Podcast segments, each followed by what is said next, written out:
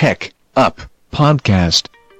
Dobar dan i dobrodošli dragi slušalci ponovo na naš Tech Up podcast u najnoviju epizodu. Danas jedna veoma teška tema, e, jedna tema o kojoj sam se nisam se nadao da ću napraviti emisiju, ali eto, pratili ste ili pratite, nadam se, vesti prethodnih dana šta se dešava u IT svetu, a to je zapravo Amerika protiv Kine, odnosno Amerika protiv Huawei-a, uzroci i posljedice, tako da ćemo ukratko da prođemo, či skratio sam koliko god sam mogao ovu temu da e, vidimo činjenice kako stoje stvari i šta nas čeka u budućnosti.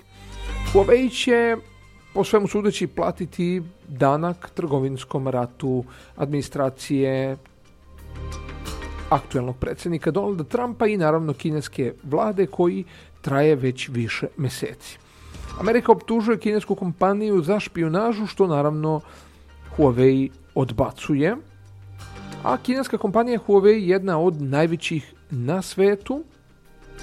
Moram da vas samo da vas podsjetim da je trenutno druga najvrednija kompanija uh, što se tiče mobilne industrije i sve više je trn u oku američke administracije i to baš naravno u trenutku kada zauzima vodeću ulogu u novoj bežičnoj tehnologiji poznatijoj kao 5G i naravno njenoj implementaciji. Već smo pričali o tome u jednoj od prethodnih emisija, ali to je potpuno nevezano za ovu temu.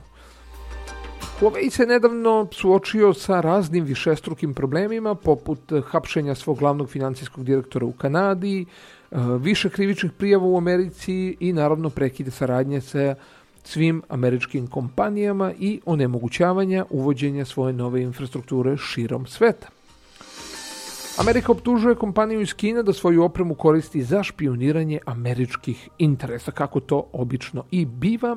Naravno, za sada mi nismo kao javnost, kao šira javnost, imali prilike da e, vidimo ili čujemo bilo kakve konkretne dokaze koji, e, koje Amerikanci iznose na teret Huawei-a, tako da to treba uzeti sa rezervom. Svi znamo naravno da je špioniranje aktuelno u svim zemljama, širom sveta, jako dugo je to prisutno, ali Amerikanci znači ni sa jednom jedinom informacijom konkretno nisu izašli šta je to što su oni uočili, a što ide u prilog svemu ovome. Možda nešto i postoji, ali kažem, mi za sad ne znamo, znači uzimamo to sa rezervom.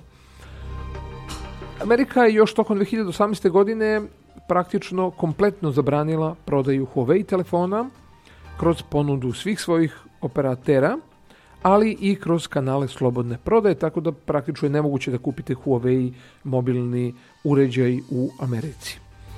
E, dosadašnje istraživanja nisu dovela u vezu kompaniju Huawei sa mogućnostima špioniranja, kao ni sa kršenjem dosadašnjih protokola bezbednosti ni u jednoj zemlji, dok su nova ispitivanja naravno u toku. Amerika je tužila Huawei za špionažu, a Huawei je nakon toga u martu ove godine krenuo u svoju odbranu, pa je u američkom, pred američkim saveznim sudom podneo tužbu protiv statuta kojim se sprečava agencijama u Americi da koriste njegovu opremu. Tu je naravno sad došla i direktiva od predsjednika, pa su američke kompanije e, krenule sa obustavljanjem e, rada sa Huawei-em. Jedna od njih je naravno i Google, što je najveći problem, koji je objavio pre, prošle nedelje da prekida kompletnu saradnju sa Huawei-em, odnosno da ćemo uskratiti pristup za nadograđivanje telefona koji imaju Android, to je praktično svi Huawei mobilni uređaji, a također problemi će naravno biti i sa Google Play Storeom, Gmailom, YouTubeom, Chromom, uh, Google Mapsom i brojnim drugim aplikacijama.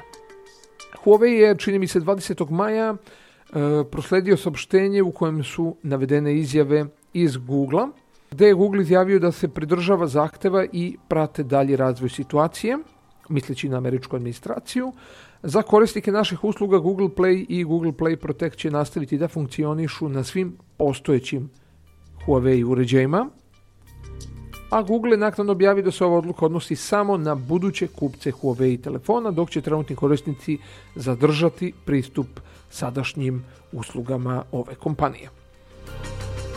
Svima je naravno jasno da iza napada na Huawei se krije nešto mnogo, mnogo veće, a to je sukob Trumpove administracije i kineske vlade, tako da je ovo iz mog ugla, a i kako ovo deluje čisto politička situacija u kojoj jedan veliki veoma značajan IT e, gigant, jedna velika kompanija koja je mnogo doprinela razvoju e, mobilne telefonije i mobilne industrije, kažem trenutno druga na svetu, najvrednija kompanija koja prodaje najviše mobilnih uređaja, odmah iza Samsunga, a ispred Apple koji je na trećoj poziciji. E sad, američki zvaničnici već neko vreme pretpostavljaju da ova kompanija radi za interese kineske vlade, a u izveštaju američkih obaveštajnih službi, čini mi se iz 2014. ili 2015. godine, kompanije Huawei i ZTE su označene kao potencijalne za pretnju po nacionalnu bezbednost, kako oni to vole da kažu. U tom izveštaju navodi se naravno da je Huawei odbio da pruži detaljnije informacije o vojnoj pozadini osnivača Huawei-a Američki predsjednik je e, potpisao pre nekoliko dana i tu odredbu kojom se zabranjuje prodaja opreme kompanije Huawei u Americi, a ujedno se zabranjuje i američkim kompanijama, posebno dobavljačima, da posluju sa ovom kineskom kompanijom ukoliko ne dobiju posebnu dozvolu. Je e, se tako, čini mi se, 17. ili 18. marta našao na crnoj listi Američkog ministarstva trgovine, a američke kompanije moraju da traže naravno posebnu dozvolu da bi radile, što do sada nijedna nije učinila, tako da su sve obustavile rad. Nekoliko najvećih kompanija su tu, kao što su Qualcomm, e, Intel, ARM, Google, pominje se čak i Facebook, Microsoft, koje su već obustavile saradnju sa Huawei-em, čime je naravno kineska kompanija značajno ugrožena. E sad, ono što je zanimljivo i što se do sad pominje, a to je da je 2011. i 2012. godine Vodafone je otkrio na Huawei routerima e, takozvani backdoors u softveru koja su kineskoj kompaniji mogli da omoguće nedozvoljeni pristup Vodafonovoj fiksnoj internet mreži u Italiji, čime su indirektno mogli da prikupljaju neke informacije. Nije utvrđeno da li je ta greška bila namerna ili slučajna, ali su navodi italijanske kompanije prilično naštetili Huawei-ovoj reputaciji u to vreme.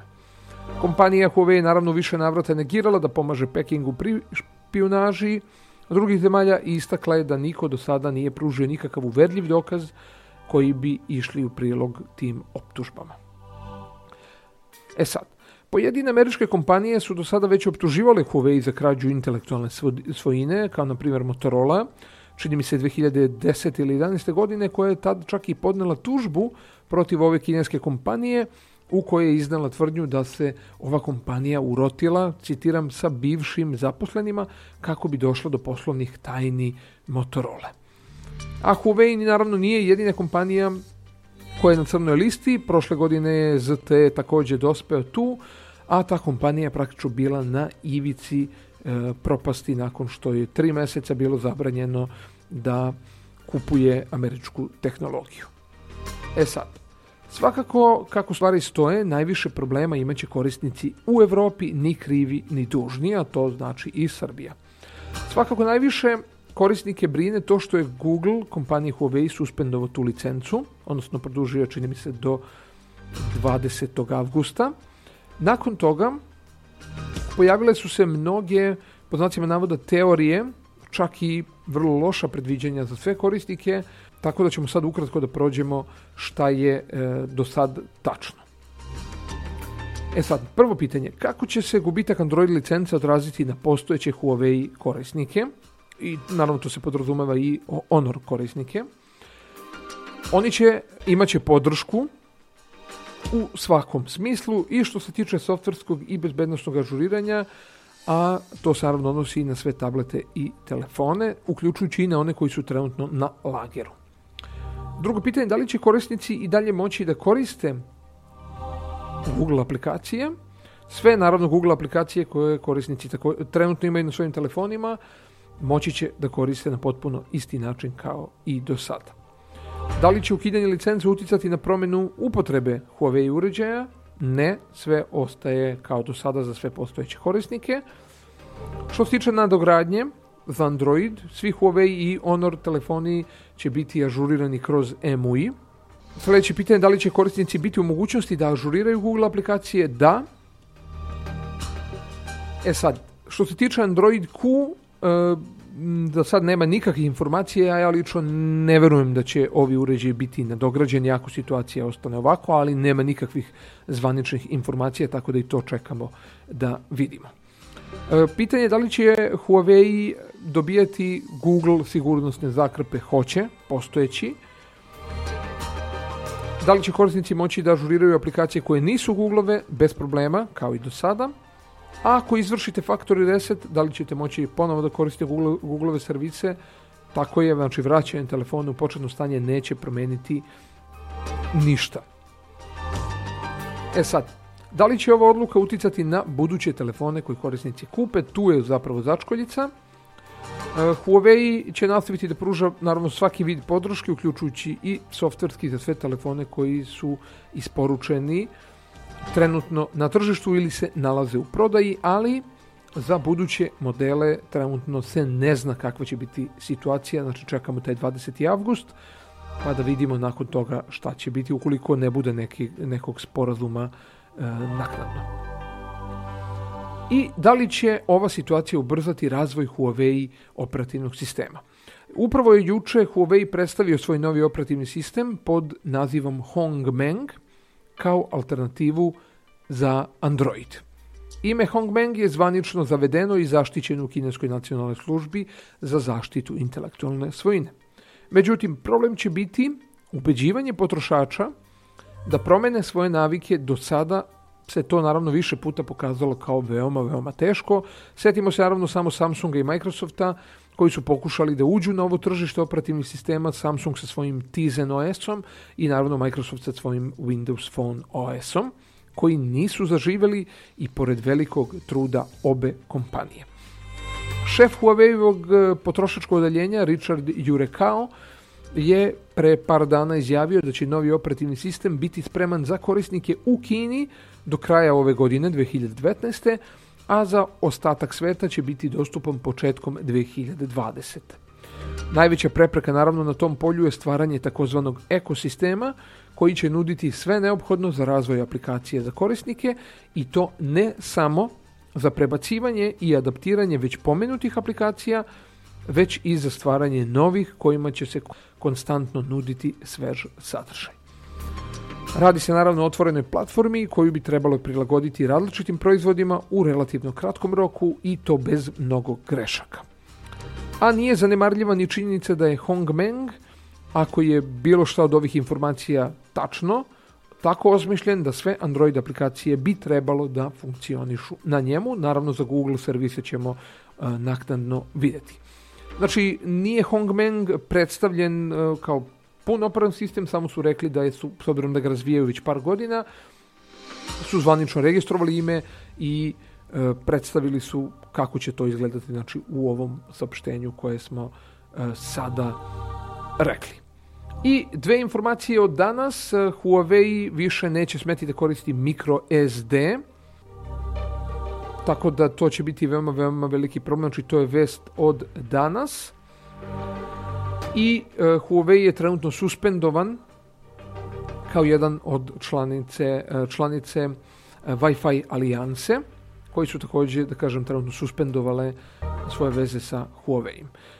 Tako da sve u svemu uh, morat ćemo da vidimo, znači ovo su sad loše vesti, posebno kažem ovo što je suspendovana iz ove Wi-Fi alijanse. Čini mi se sedište alijanse se nalazi u Teksasu, tako da ćemo vidjeti kako će se to dalje razvijati. Uglavnom to dodatno komplikuje celu situaciju, a i ovo što neće moći da koristi microSD, mada e, da kažem, to i nije neka velika šteta, prvo zato što većina Huawei uređaja dolazi sa prilično značajnim uh, storageom u samom telefonu, a drugo što je Huawei već uh, implementirao takozvani nano memory format koju je sama osmislila i o, te kartice su manje od micro SD-a. Eto, to bi bilo to. Nastavit ćemo naravno da pratimo e, situaciju vezano za ovu temu. Kažem, nisam želeo da pravim ovu emisiju, zaista smatram da politika kad se umeša u IT tehnologiju, evo vidite šta dobijemo. Znači velike probleme. E, Žao mi je, zaista Huawei je veoma značajna kompanija i nadam se da će ovo uspeti nekako da se reši. To bi bilo to. Vi naravno ostanite uz TK podcast. Ovo je bila malo duža epizoda i do neke sledeće epizode veliki pozdrav.